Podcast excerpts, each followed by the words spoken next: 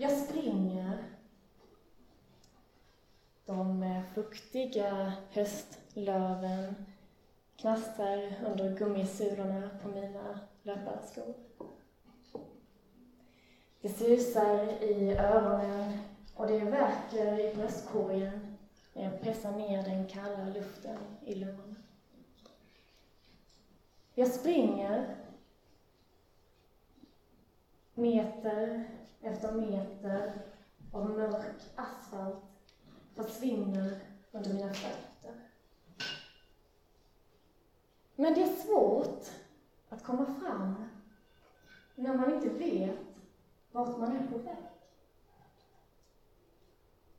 Och det är svårt att komma fram när man inte vet om man springer till någonting eller från någonting. Så jag fortsätter springa. Jag jagar. Jag jagar efter någonting. Men det är svårt att jaga när man inte vet vad det är man jagar. Och det är svårt att jaga när man inte vet om man jagar till någonting eller från någonting. Är du också en sån som jagar? Jag tror att du är det. Jag tror att den där jakten är bland det mest mänskliga som finns. Men vad är det egentligen vi jagar efter? Och varför tycks det vara så viktigt för oss att hålla på med det där jagandet hela tiden? Och vad är lösningen på jagandets problem? Det är de frågorna jag tänkte att vi skulle ägna den här förmiddagen att försöka svara på. Jag vill också be en liten bön innan. Eh, Gud, nu kommer vi inför dig, du som har alla svaren, du som är alla svaren. Och här kommer din heliga Ande, kom hit till oss var och en, kom till mig som bara är en vanlig enkel människa.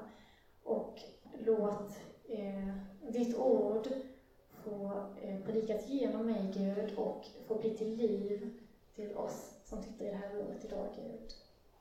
Kom, helgande, Amen. För att förstå vad det är vi jagar efter så måste vi börja vid den plats och den tid när människan inte längre jagade. Vi måste börja på den platsen där människan levde i fullkomlig harmoni och tillfredsställelse.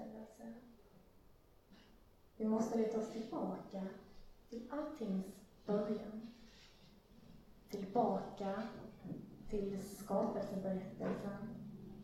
Tillbaka till Edens fullkomlighet. Jag vet att ni var där redan igår och nosade på det. Vi ska dit idag igen. Om ni har med biblar så kan ni bara precis öppna de första sidorna och så hamnar vi i Första Mosebokens första kapitel. Och hela skapelseberättelsen inleds med att Gud skapar kulisserna för det kärleksdrama som är tänkt att ta plats på jorden. Gud skapar en fantastisk värld. Han skapar magnifika berg som han klär med gnistrande snö. Han skapar skimrande hav med ändlösa djup som han fyller med olika sorters fiskar och koraller. Slänterna pryder han med färgsprakande växter och trä, skogen fyller han med prunkande träd. Och han låter djur med olika färger och former ta plats på skapelsen. Om dagarna låter han himlen lysas upp av en sol och om natten av tindrande stjärnor. Och däremellan skapar han färgsprakande solnedgångar och skimrande soluppgångar. Och det är fantastiskt. Det är felfritt. Vi är underbara. Och så till sist, på den allra sista dagen, så låter han huvudpersonerna här in på scenen. Gud skapar människan. Och när Gud skapar människan så är det någonting som är annorlunda. Det är inte bara det att människan skapas på en egen dag och hon skapas sist utav allt. Nej, när Gud skapar människan så säger han saker om henne som han inte säger om någonting annat i skapelsen. För att förstå vad det är att vara människa så måste vi förstå vad det är Gud säger om människan. Vi börjar i eh, vers 27. Och Gud skapade människan till sin avbild. Till Guds avbild skapade han henne. Till man och kvinna skapade han dem. Det första, det viktigaste vi får veta om människan är att hon är skapad till Guds avbild. Och vad innebär det då att vara Guds avbild? Ja, för att förstå vad det innebär att vara lik Gud så måste vi förstå vad Gud är vem Gud är. Vad är det som driver Gud? Om vi letar allra djupast in i Guds väsen, vad hittar vi då? Jag hittar bara en enda sak. För Guds innersta väsen finns bara kärlek. Gud är kärlek. Allting som Gud gör bottnar i kärlek. Allting som Gud gör verkar för kärlek. Och du och jag skapades till hans avbild, till att vara lika honom. Du och jag skapades för att också till vårt innersta väsen vara kärlek. Vi skapades för att älska. Vi skapades för att allting vi gör skulle utgå från kärlek och verka för kärlek. Men Gud skapade oss inte bara till att älska lite diffust, lite sådär generellt som vi ofta pratar om kärlek. Nej. När Gud skapade oss till att älska, så skapade han oss för att älska på samma sätt som han älskar. Och hur älskar Gud? Jo, Gud älskar med en kärlek som är utgivande. Gud älskar genom att ge sig själv, genom att överlåta sig själv, genom att alltid ha den älskades bästa för ögonen. Så när du och jag skapades för att älska, så skapades vi för att ge oss själva. För att ge oss hän. För att alltid ha den andras bästa för våra ögon. Det är det det innebär att vara lik Gud. Men Gud skapade oss inte för att ge av oss själva till allt möjligt. Nej. Gud skapade oss för att älska, för att ge oss själva till honom. Bara han skulle vara det som vi djupast sett gav vårt inre vi skapades för att älska Gud. Och det här skiljer oss från djuren. För djuren är inte skapade för att verka utifrån kärlek. De är inte skapade med en förmåga att kunna ge sig själva. Djuren handlar utifrån instinkter, men du och jag skapades för att handla utifrån kärlek, utgivande kärlek, mot Gud. Det är det första det innebär att vara människa. Gud fortsätter Gud välsign, välsignade dem och sa till dem, var fruktsamma och föröka er och uppfyll jorden. Lägg den under er och råd över fiskarna i havet, över fåglarna under himlen, över alla djur som rör sig på jorden. Det andra vi får veta om människan är att hon är skapad med ett uppdrag. Hon har en viktig plats i skapelsen. En plats som också särställer henne bland djuren som ska råda över skapelsen. Hon skapas med en viss makt. Hon skapas till att uppfylla jorden. Liksom Gud en gång fyllde skapelsen med liv, så är du och jag skapade för att fortsätta fylla skapelsen med liv. Och liksom Gud fyllde skapelsen med liv genom kärlek, av kärlek och för kärlek. Så du och jag skapade att fortsätta fylla skapelsen med liv genom kärlek, av kärlek, för kärlek. Och så det tredje. I andra kapitlets sista vers. Och mannen och hans hustru var båda nakna utan att blygas för varandra. Gud skapade oss för att vara nakna. Och här står jag, fullt påklädd. När Gud skapade oss för att älska, så skapade han oss för att älska fullständigt, gränslöst, utan några som helst gränser. Gud skapade oss för att vara fullt ut kända att vårt inre skulle vara fullständigt blottat för honom. Det är så vi är skapade. Men, det finns naturligtvis ett viktigt men. För den kärlek som Gud skapade oss för att vara en del av, den har ett villkor som inte kan bestridas. Den måste, per definition, alltid vara frivillig. Vi kan inte tvinga en annan människa till att älska. Och vi kan inte födas in till att automatiskt älska. Nej, det måste vara ett fritt val.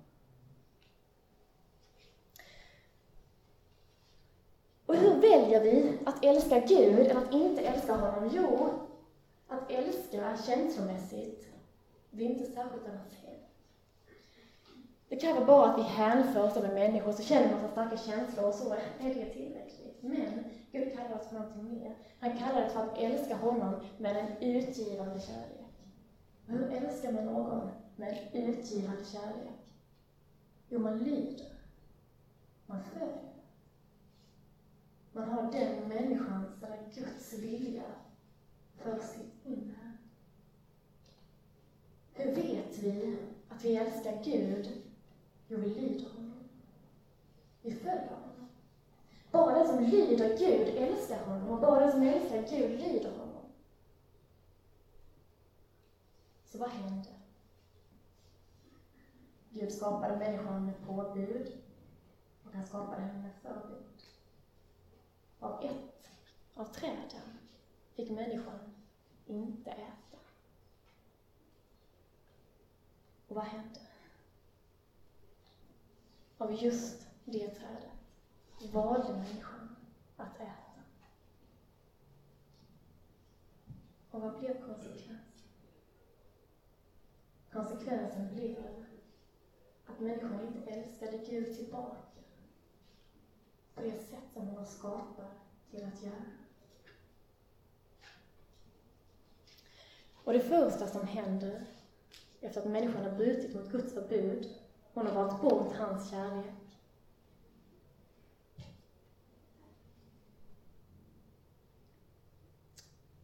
Kapitel 3, vers 8.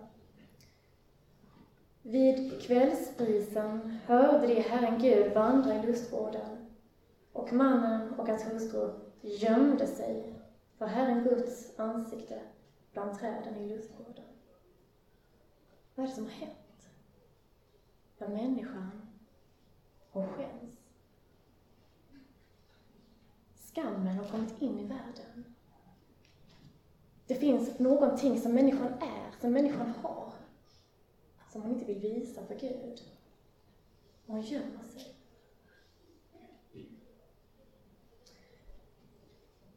Och vad innebär det? Att vår nakenhet inte längre är uppenbar för Gud. För vi älskar inte längre honom med en kärlek som är sårbar. Med en kärlek som ger fullständigt, som är fullständigt öppen för Gud. Men syndafallet fick fler konsekvenser. Därför att människan var ju skapad med uppdraget att råda över skapelsen. Hon hade alltså viss makt skapelsen. Hon var kallad att fylla skapelsen med liv. Men det som hände i syndafallet var att förgängligheten kom in i världen. I Romarbrevet kan vi läsa att allting är lagt under förgängligheten. Syndafallet fick inte bara konsekvenser för människan utan för hela skapelsen eftersom människan var satt till att råda över skapelsen. Vi var kallade att fylla skapelsen med liv, men genom vår synd så kom förgängligheten och döden in i världen. Och så lever vi i den brottningskampen mellan död och liv. Och det fick fler konsekvenser. Vi skapades för att till vårt innersta väsen vara kärlek. Men det som hände var att ondskan kom in i våra hjärtan. Det vi gör utgår inte längre enbart från kärlek, utan också från ondska, egoism, hat. Det finns också i vårt hjärta. Bägge delar finns där och brottas med varandra.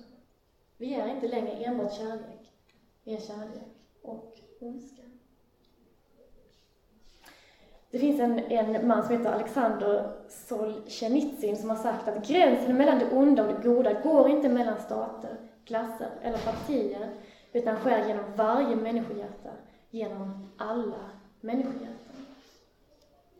Och det fick konsekvens, inte bara för vårt innersta väsen, utan också för vårt sätt att älska. Vi skapades för att älska genom att ge Genom en utgivande kärlek som överlåter sig till objektet för det den älskar. Men, vad hände i syndafallet? Vi började älska med en kärlek som kräver, med en kärlek som tar, med en kärlek som vill ha, med en kärlek som suger ut livet från det den älskar. Det låter fruktansvärt, men så är det. Vi har bägge delar. Vi ger oss själva och vi tar. Och vad hände mer? Jo, vi började att älska, att ge oss hän, att ta.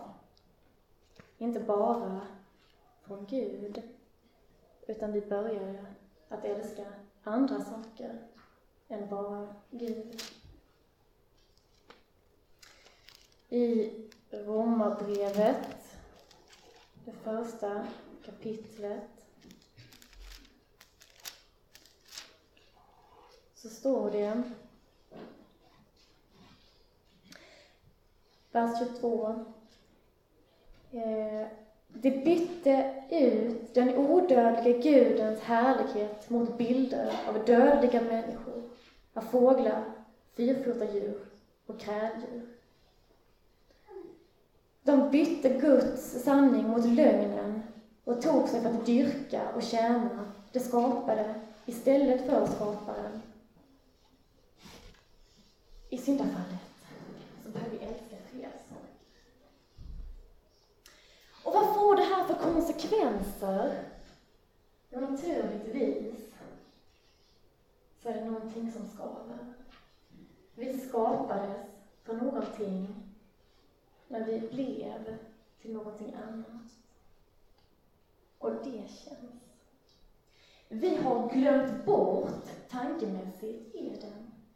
Vi har glömt bort vad det innebär att leva i en fullkomlig relation till Gud. Men våra hjärtan har inte glömt bort det. Och djupt inne i varje människohjärta så bor det en längtan tillbaka till Eden fullkomliga relation till Gud. Och den där lilla längtan, den ligger där den blir vi inte av med. Den ligger och skaver, den ligger och ropar, den ligger och gör ont. Och den tomheten, den skevheten, den driver vår jakt. Det är den som gör att vi jagar. Det vi jagar efter är det vi har förlorat. Vi jagar efter att återigen få känna oss fullkomliga, få känna oss hela, få känna frid. Vi jagar. Och vi jagar inte bara för att få en liten del av vår identitet uppe, nej. Vi jagar för att hela vår existens är rubbad. Därför är jakten så viktig för oss. Därför blev vi inte av med den. Därför bor den i varje människa. Men liksom inte klarar av att älska, så förmår inte heller jag. För vi, vi jagar inte bara av kärlek, utan vi jagar av ondska. Vi jagar av egoism. Bägge delar finns inom oss. Och vi jagar inte bara genom att ge oss själva, eller för att kunna ge oss själva, nej. Vi jagar för att få. Vi jagar också för att bara, för att vi vill ha. För att vi inte vill ge. Men vi skäms ju. Vi vill inte göra oss så sårbara, vi vill inte göra oss nakna, vi vill ha. Och vi jagar inte bara det som är gott, utan vi jagar också det som är ont. Vi jagar fel saker. Vi jagar efter bekräftelse. Vi jagar efter någonting att polera den där fikonröven med som vi har försökt skyla vår skam med. Vi jagar efter någonting att visa upp från den här världen. Någonting som kan göra oss lite mer hela, lite mer accepterade. Vi jagar efter sex. För sex är i grund och botten att få ge sig själv och vi längtar efter att få ge oss själva. Så vi jagade. Vi jagade efter makt. Vi skapades med ett uppdrag. Så vi jagade efter makt. Vi jagade efter mening. Vi jagade efter att fylla det där hålet. Men vi jagar fel saker.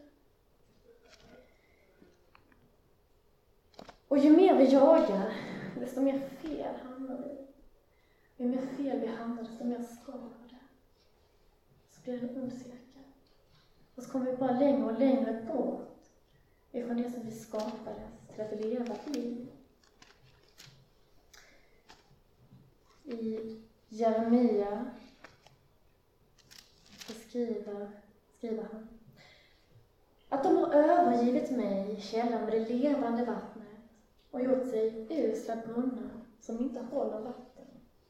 Vi letar efter fel saker, vi gräver fel källor. Och vad händer?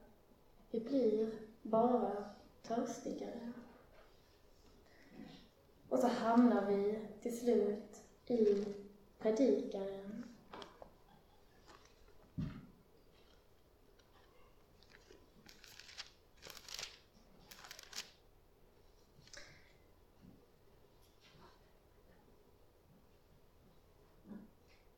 Jag såg allt som görs under solen och ser.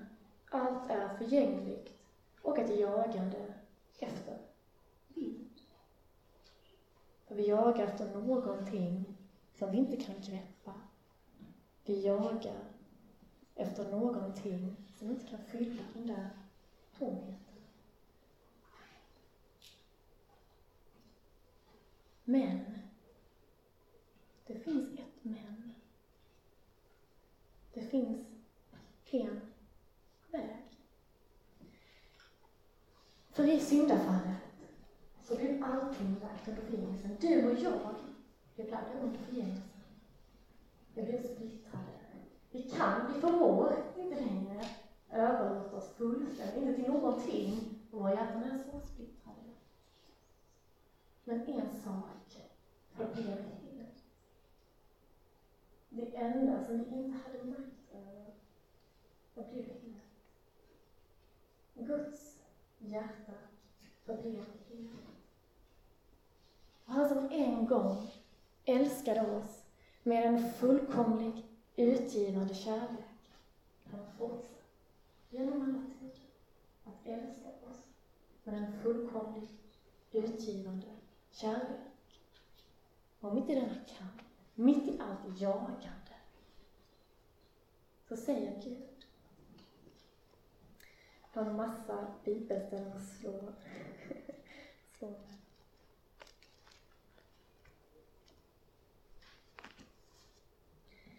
Hör på, alla ni som törstar, ni som springer, ni som jagar. Kom hit till vattnet. Och ni som inte har pengar, kom hit och köp säd och ät. Jag kom hit och köp säd utan pengar och för intet både vin och mjölk. Varför ger ni ut pengar för det som inte är bröd, era inkomster för det som inte kan mätta? Hör på mig, så ska ni få äta gott och njuta av utsökt mat.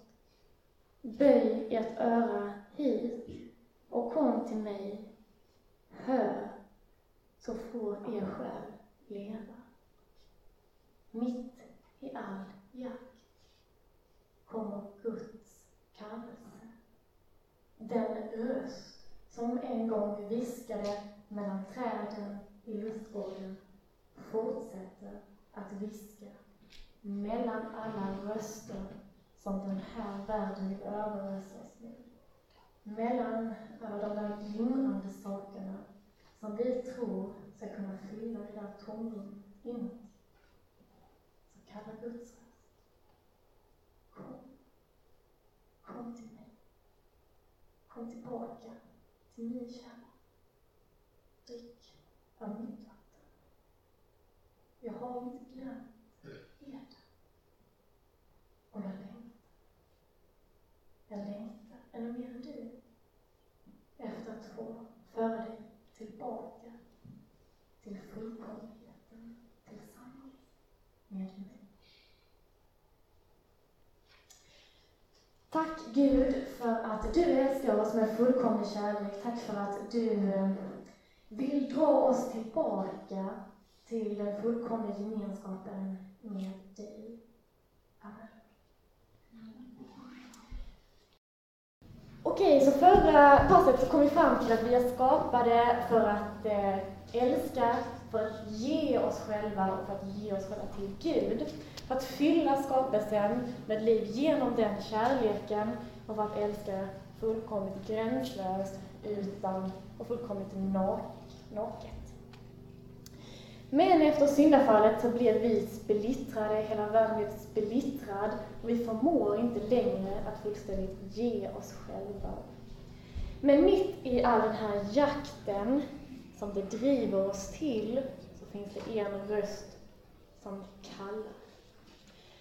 Och redan efter syndafallet så satte Gud igång med sin plan för att kalla människan tillbaka till sitt hjärta. Och Gud eh, kallade ett folk som han kallade för sitt folk. Och han var med dem, han välsignade dem, han sände profeter och till slut kom han själv och blev människa. Och Jesus sammanfattade vid ett tillfälle hela lagen, hela Gamla testamentet, allting som Gud hade verkat innan hans inkomst. Och han sammanfattade i ett enda bud. Så när vi läser hela Gamla testamentet, när vi tänker på allting som Gud säger till oss, så kom ihåg detta enda.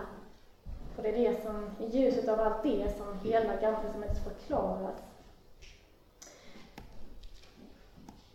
Du ska älska Herren din Gud av hela ditt hjärta och av hela din själ och av hela ditt förstånd och din nästa som dig själv. Trots allt det som har hänt så fortsätter Gud att kalla oss att älska, att ge oss själva och att älska honom. Och det här är passet tänkte jag att vi ska dela upp den här versen, för den har två tydliga delar. Vi ska älska Gud och vi ska älska vår nästa. Och när jag eh, funderade på det här ämnet eh, så inser jag att det är svårt att prata om att älska, om att älska Gud, om att ge sig till Gud, utan att prata om att älska sin medmänniska. Och jag insåg att det är svårt att prata om att älska sin medmänniska, utan att prata om att älska en människa. Eh, så jag frågade mannen som jag inte fick prata lite grann om det, och det fick jag lov göra. Så det kommer lite sånt också. Eh, och det jag säger nu är mina tankar att jag förstår Bibeln. Eh, ni behöver inte hålla med om allting, men det respekterar jag. Och om ni vill prata om någonting i efterhand så får ni gärna göra det. I Första Moseboken, innan, eh, innan syndafallet, när människan fortfarande levde i en perfekt harmoni med Gud, så sa Gud om människan att det är inte bra för mannen att vara ensam. Vi levde i en fullkomlig relation till Gud och ändå säger Gud att människan är ensam och hon behöver någon som är hennes jämlike. Hon behöver andra människor. Och om vi behövde andra människor när vi levde i en fullkomlig harmoni med Gud, hur mycket mer behöver vi då inte det nu? Vi behöver närvarande föräldrar. Vi behöver de syskon som vi kanske har. Vi behöver vänner. Vi behöver förebilder.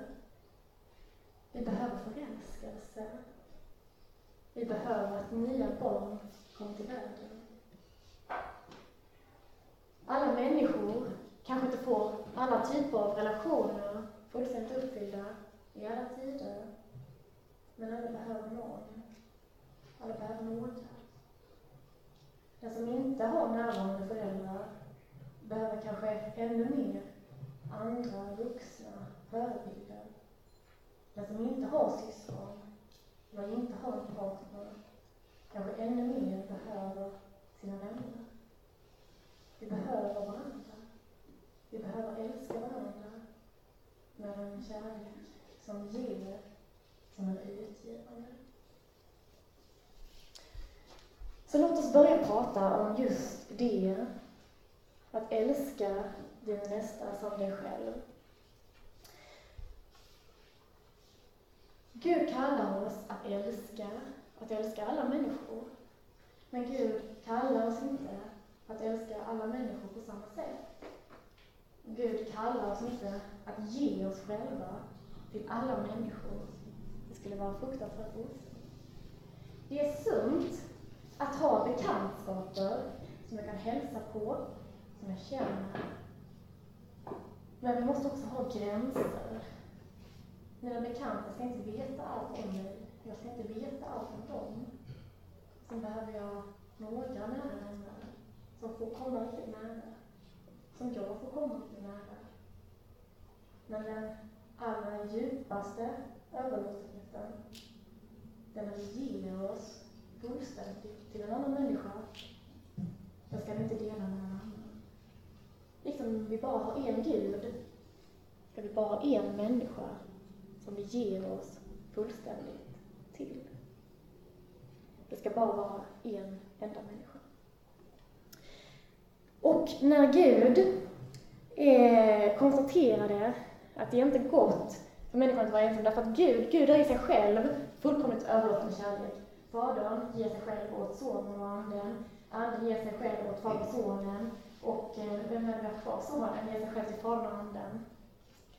Och Gud insåg att människan behöver på samma sätt vara överlåten inom sin egen, inom sin egen natur, inom sitt egna släkte, så behöver vi ge oss åt varandra och vara överlåtna åt varandra. Och när Gud insåg det, så tog han inte Adam och skapade en kopia av Adam, nej. Han skapade någonting annat. Han skapade Eva. Han skapade mannen och kvinnan, manligheten och kvinnligheten. när Gud kallade oss att ge oss själva åt en annan så var det viktigt att det fanns två olika kön.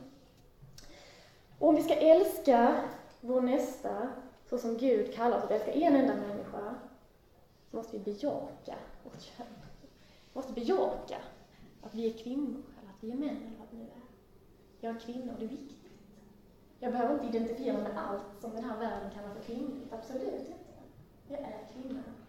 Och som Gud skapade mig att vara kvinna. Det är viktigt att det är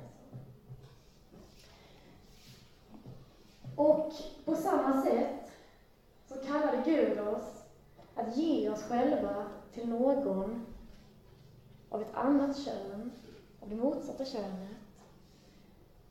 Och det här är en ganska svår eh, bit av, av Guds ord, men så är det. Om, vi, om vårt mål bara är att, att vara lyckliga, att ha ett bra liv, spelar det kanske ingen roll. Men om vi vill förhärliga Gud genom en relation, att ge oss själva till någon annan, så menar Gud att det måste vara någon av ett annat kön. Vidare så måste det vara överlåtande kärlek. Återigen, vi ska inte älska varandra för att ta, för att suga ut någonting, för att själva bli fullkomliga. Nej, vi ska älska för att ge. För att ge oss själva. För att tillfredsställa någon annan. För den andres. Det finns jättemånga fina relationer med fina människor där man inte älskar genom att ge sig själv. Och där man fortfarande inte fullbordat det som Gud kallar oss att göra. Och så måste det vara ömsesidigt. Det här är jätte, jätteviktigt. Det är jättefint att ge sig själv. Att ge av sig själv till en annan människa. Men du ska aldrig göra det till en människa som inte är beredd att ge sig själv tillbaka till dig. Få saker är så destruktiva som att ge sig hän åt någon eller något som inte ger sig hän tillbaka. Du måste vara rädd om ditt hjärta. Var rädd om den kärleken. Ge inte till någon som inte är beredd att ge sig tillbaka. Och så måste det vara frivilligt. Återigen, den fullkomliga kärleken, den utgivande kärleken, kan inte tvinga fram. Den måste vara frivillig.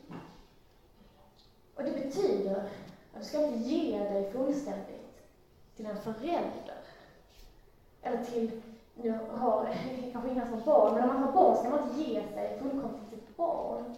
Man ska inte ge sig fullkomligt till ett syskon, till någon som man har fötts in i relationen. Nej, det ska vara till någon annan. Någon helt annan människa som man frivilligt har valt. Och som frivilligt har valt den själv. Jätteviktigt.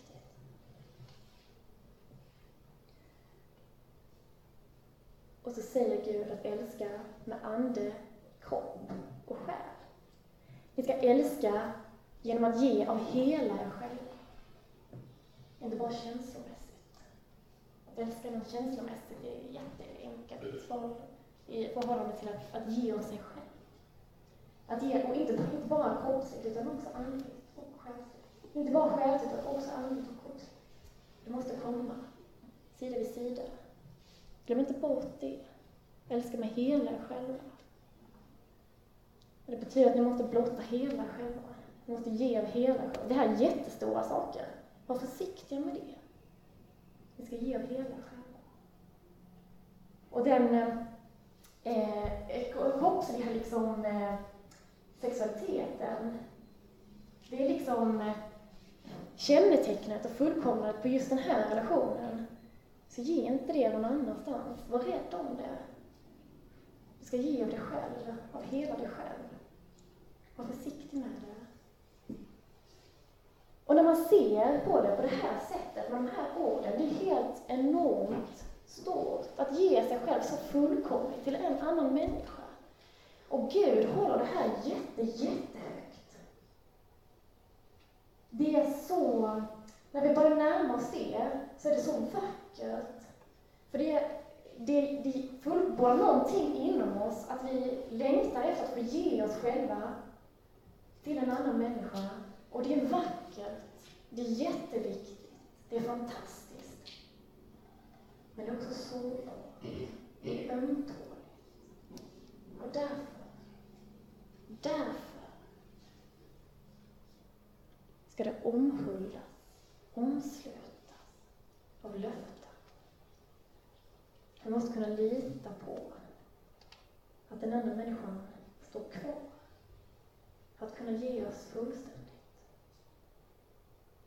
Så det ska omslutas av löften. Vi ska bara ge oss fullständigt i en relation som är omsluten av löften. Så var rädda om det.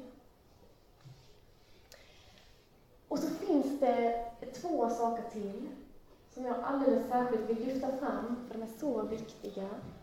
Och det gäller alla relationer, men framför allt en sån här relation.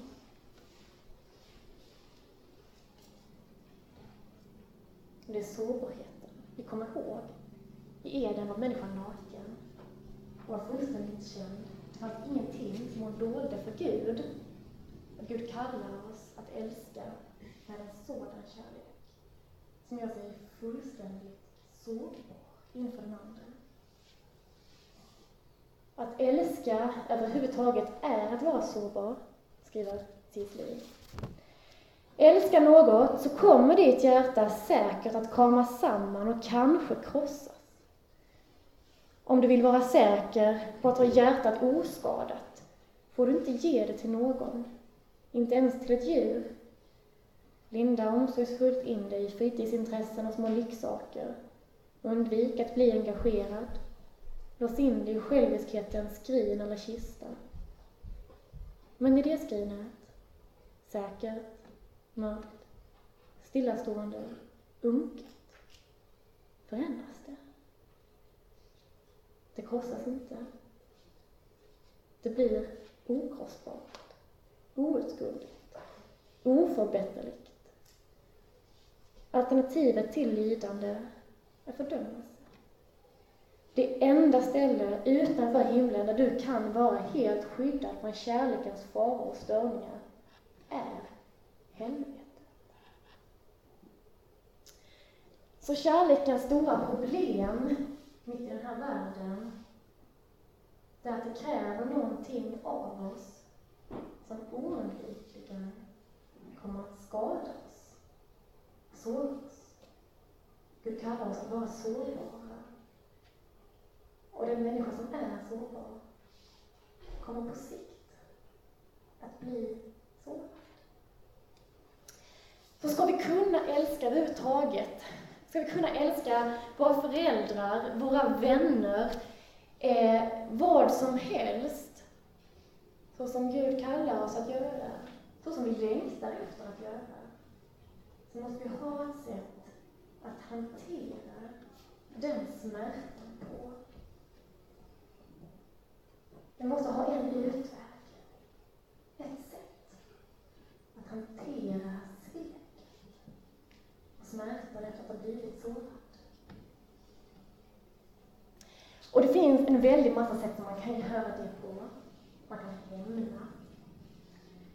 Man kan ta ut ilska och vrede på någon annan. Man kan låsa in sitt hjärta. Men det finns bara ett enda sätt att komma över den smärtan och fortfarande ha förmåga att älska. Och det är genom att lära sig att förlåta.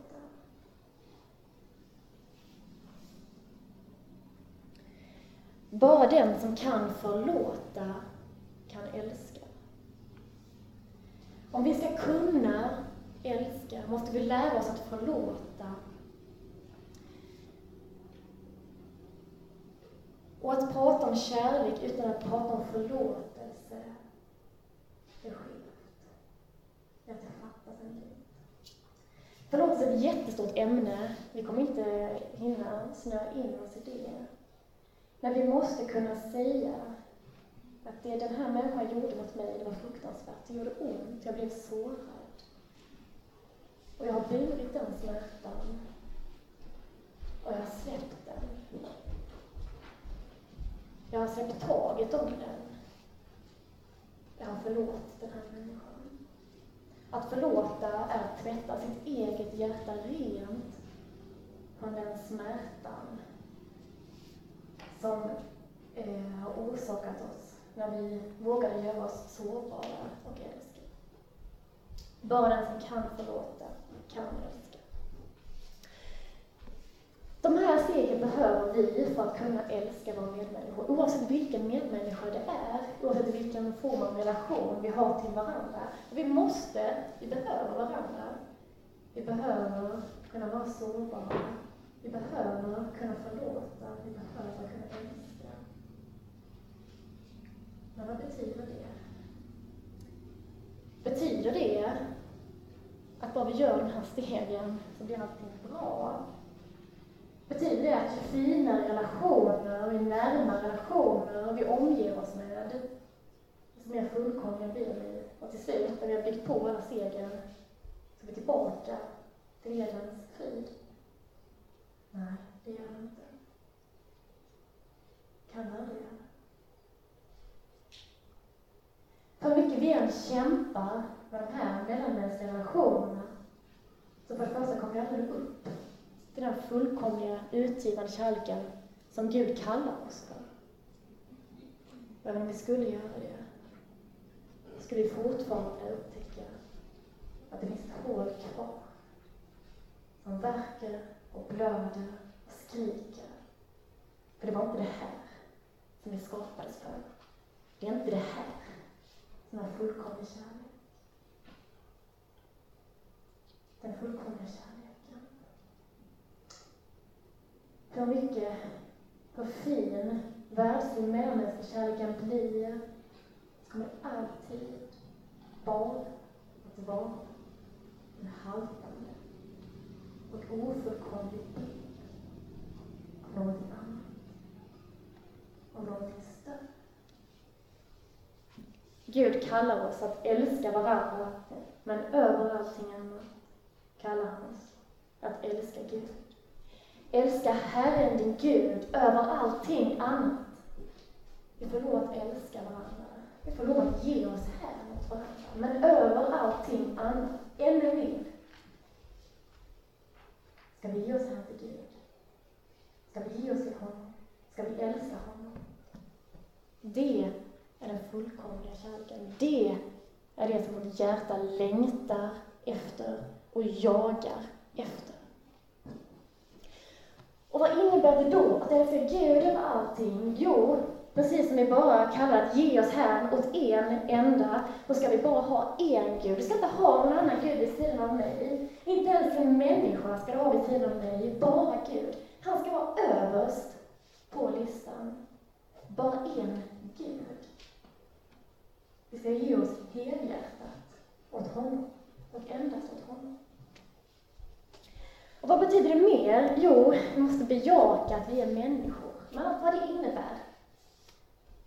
Vi är skapade till Guds avbild. Vi har skapat att vara lika honom, men vi är inte Gud.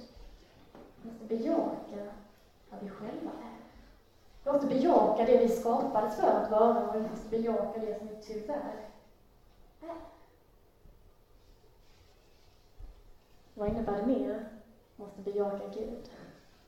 Vi måste erkänna vem Gud är, vad Gud är. Vi måste fortsätta att för evigt utforska den frågan. Vem är Gud? För vi blir aldrig färdiga med det. Vi måste upptäcka, vem är han som jag ska ge mig till? Annars kan jag inte göra det. Och återigen, överlåtande kärlek. Vi ska inte komma till Gud för att ta för att roffa åt oss, för att kräva, utan för att ge. Kom till Gud för att ge dig själv i första hand. För Gud vill redan ge sig själv till dig. Han har redan gjort det. Han, han bara längtar efter att ösa saker över dig. Kom till honom och ge. För det är bara genom att ge som du kan ta emot. Ge dig själv till Gud. Älska honom med en kärlek som överlåter sig själv till honom. Det är inte jättesvårt, men det tror jag måste göra. Och inte bara en del av dig själv. Älska Gud, inte bara med ditt hjärta, inte bara med din tanke, utan med hjärta. Älska Herren i Gud med hela ditt hjärta, med hela din själ, med hela ditt förstånd. Det är så vi ska ge oss till Gud. Inte bara känslomässigt, inte bara intellektuellt, utan bägge delar. Med allt vi har, med allt vi är. Ska vi ge oss till Gud. Fullständigt. Jag vet det är svårt, jag har kämpat med det här jättelänge, det är supersvårt. Men vi får försöka. Och så har vi den där sårbarheten. Det som krävs av oss, att vi gör oss fullkomligt nakna inför Gud. Att vi tar väck alla de där fikonlöven som vi har täckt oss med. Att vi kliver fram på det gömställe där vi har gömt oss. Så när du ber, när du är här eller när du kommer hem, gå in i ditt rum, stäng din dörr, var fullkomligt ensam. Var på den plats där du kan säga saker som ingen annan människa ska höra. Och öppna upp dig för Gud. Berätta om allt det som fyller dig. Och när vi gör det, så kom ihåg att ditt hjärta är delat. Det finns både det som är gott och det finns det som är ont. Och när du kommer till Gud kommer bägge delar. Om du bara kommer med det som är gott så kommer du inte med hela dig. För du är bägge delar. Ös ut allt. Var fullständigt, fullkomligt ärlig. Med allt. Med hjärta, kropp och själ. Och du kommer att upptäcka att det är den ärligheten, det är den Det är den sårbarheten som bönen blir vad den är menad att vara. Det är då vi bara ber på riktigt, när vi bara ber fullkomligt sårbart. Ge. Ge ditt hjärta till Gud. Ge dina tankar till Gud. Ge ditt allt till honom. Och så var det det där med förlåtelse. För ska vi kunna vara sårbara så måste vi kunna det där med förlåtelse. Då finns det en god nyhet. För att kunna älska Gud, för att kunna vara sårbar mot honom, så behöver du inte förmå förlåta. För Gud kommer aldrig att svika dig. Men Gud behövde förlåta dig, för du har redan svikit honom. Och det fantastiska är att han har förlåtit dig. Han har förlåtit dig fullständigt. Han har erkänt att det du gjorde mot honom, det var fel. Det gjorde ont. Det var fruktansvärt. Och han har burit den smärtan. Istället för att ta ut den på dig så lät han den smärtan krossa hans eget hjärta. Du är fullständigt förlåten. När du kommer inför Gud så finns det ingenting som han kan skrämmas av, som han kan avvisa, bortvisa dig för, för han vet allting och han har förlåtit allting. Så du kan vara fullständigt ärlig med honom. Och han har förlåtit dig mer än vad någon människa någonsin kommer att förlåta dig. Så när du kommer ifrån honom så kan du vara ärligare och mer sårbar än mot någon annan människa. Du är så förlåten. Och det är fantastiskt.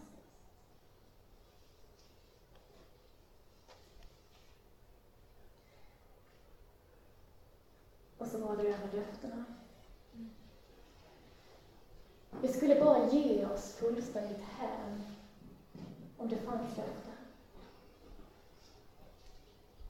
Och det finns löften. Gud har lovat genom hela sitt ord att aldrig någonsin lämna dig. Gud har lovat att älska dig i nöd och i lust. Men Guds löften slutar inte vid döden. Guds löften bär in i döden, genom döden och ut till livet efter döden. Gud kommer att hålla sina löften. Och nu sträcker han frågan till dig. Vill du? För kärleken är fortfarande fri. Vill du? Vill du tillbaka till honom? Vill du tillbaka till den fullkomliga kärleken? Överlåta kärleken till Gud? Vill du ge dig själv till honom? Så som han redan har gett sig själv till dig? Men så var det där med att vi är så brustna. Så fullständigt brustna att vi inte förmår ge oss själva. Hur mycket vi än försöker kommer vi aldrig att klara av det. För att hjärta är så splittrat, så kan det aldrig ge sig själv helt. Men Gud dog inte bara på korset för att förlåta dig.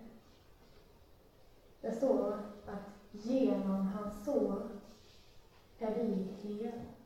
Jesaja 53. Gud dog för att ditt hjärta skulle kunna läka ihop igen. Gud dog för att ditt hjärta skulle kunna bli så helt att du kan ge dig fullständigt till honom igen. Och kanske sitter du här med stora sår, med fläckar, med smärtor. Du får komma, du får komma till korset. Du får komma dit för att ta emot förlåtelse, förlåtelse för det som ska, förlåtelse för det som du vet att du har gjort fel, som du skäms över. Och Du får komma med dina sår. Du får komma med det som gör ont. Och du får ta emot helande. Vid foten av Guds kors kan vi få uppleva att det de törnar som den här världen har gett oss kan få läka ihop. Det går. Det finns en möjlighet. Hur illa den har blivit, hur fel du än har halkat iväg i all den här jakten som blev så tokig, så går det att läka. Men när du står där på knä på korset och upptäcker Guds helande, glöm då inte en sak.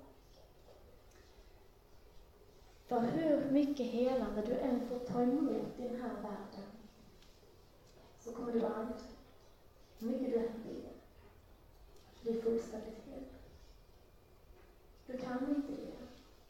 Du kommer inte det. Så så länge du är kvar här så kommer du aldrig, hur mycket du än övar dig, att kunna ge dig själv fullständigt. Inte till någonting. Men Guds löften går längre. Gud lovar att det kommer någonting mer. Gud lovar någonting nytt. Och Gud säger Se, jag gör allting nytt. Se, jag gör allting nytt. Det hjärta som är så splittrat, som är så sårat, det kommer en dag att bli nytt. Och den dagen så kommer du återigen att kunna ge dig fullständigt helhjärtat till Gud själv. Den dagen kommer jagandet att vara fullständigt meningslöst. För du kommer redan äga allt det som du längtar efter. Så är Gud och kommer alltid att vara svaret på din längtan. Svaret på ditt jagande. Jag vill avsluta med ett, ett citat av högafadern Augustinus som har sagt Ty du, o Herre, har skapat mig till dig och mitt hjärta är oroligt till dess det finner ro i dig. En dag kommer det finnas sin fullständiga ro i Gud. Men redan här och nu kan vi få upptäcka hur vi i överlåtenheten till Gud kan få finna ro. Och det är fortfarande frivilligt. Vill du för han vill. Och Herre, vi prisar dig, vi tackar dig för korsets underbara evangelium. För att du fullkomligt har gett dig själv till oss, trots allt det som vi har gjort mot dig. Tack för att du älskar oss så djupt. Tack för att du har lovat att aldrig någonsin överge oss. Tack för att du har förberett en framtid där allting kommer att bli fullständigt nytt. Och tack för att du redan här vill vara den famn, den hamn, där vi kan få finna ro. Så lägger vi allt det här i dina händer. Herre, kom du och var med oss var och en. I Jesu namn. Amen.